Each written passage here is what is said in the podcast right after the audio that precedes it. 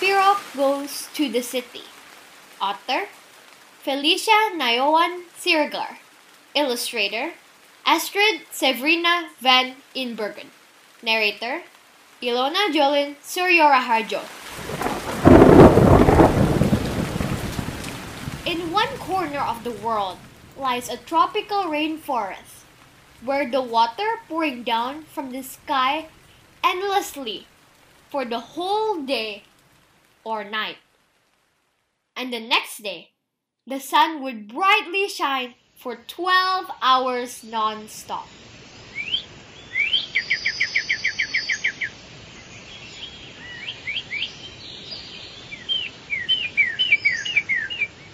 With enough rain and sunshine, all of the plants grow healthily, with some kind of tree could be as high as around 80 meters or 260 feet.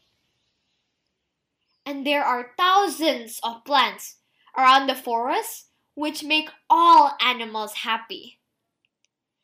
In the rainforest Kalimantan Island in Indonesia, we can find hundreds type of birds, tigers, rhinos, elephants, snakes, bats, monkeys, and orangutans.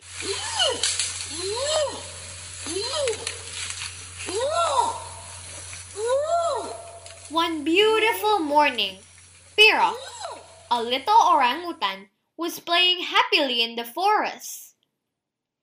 Pirok loves swinging from tree to tree and is always curious. From one of the tree, he looked around, and none of his friends is around, so he keeps jumping happily from one branch to other branches. But suddenly, he heard something.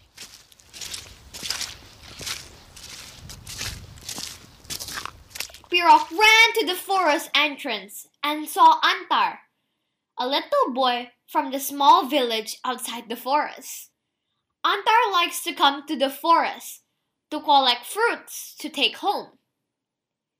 In the forests, there are lots of durian, mango, and banana. Yum! My favorite fruit, said Antar, collecting one fruit one by one and put it in the basket at his back shoulder.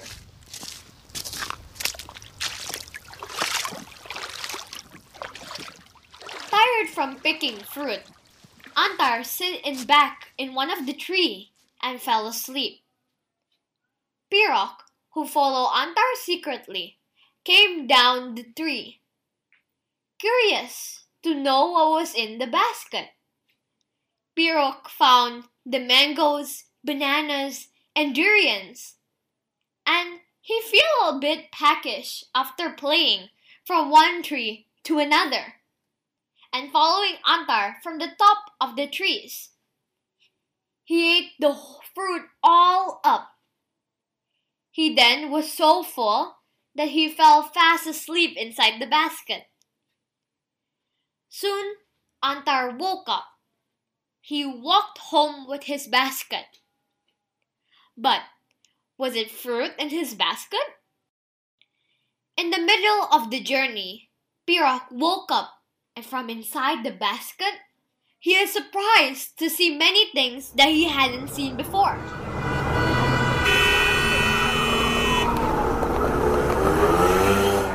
He saw many people wearing beautiful clothes. He saw rows of buildings, big and small and tall.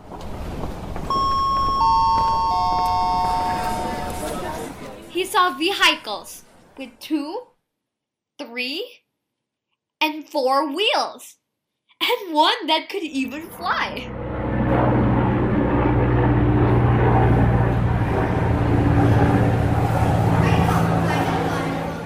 When he arrived home, it was Antar's turn to be very surprised to find an orangutan in his basket. No more the durian, mango, or banana but a little orangutan.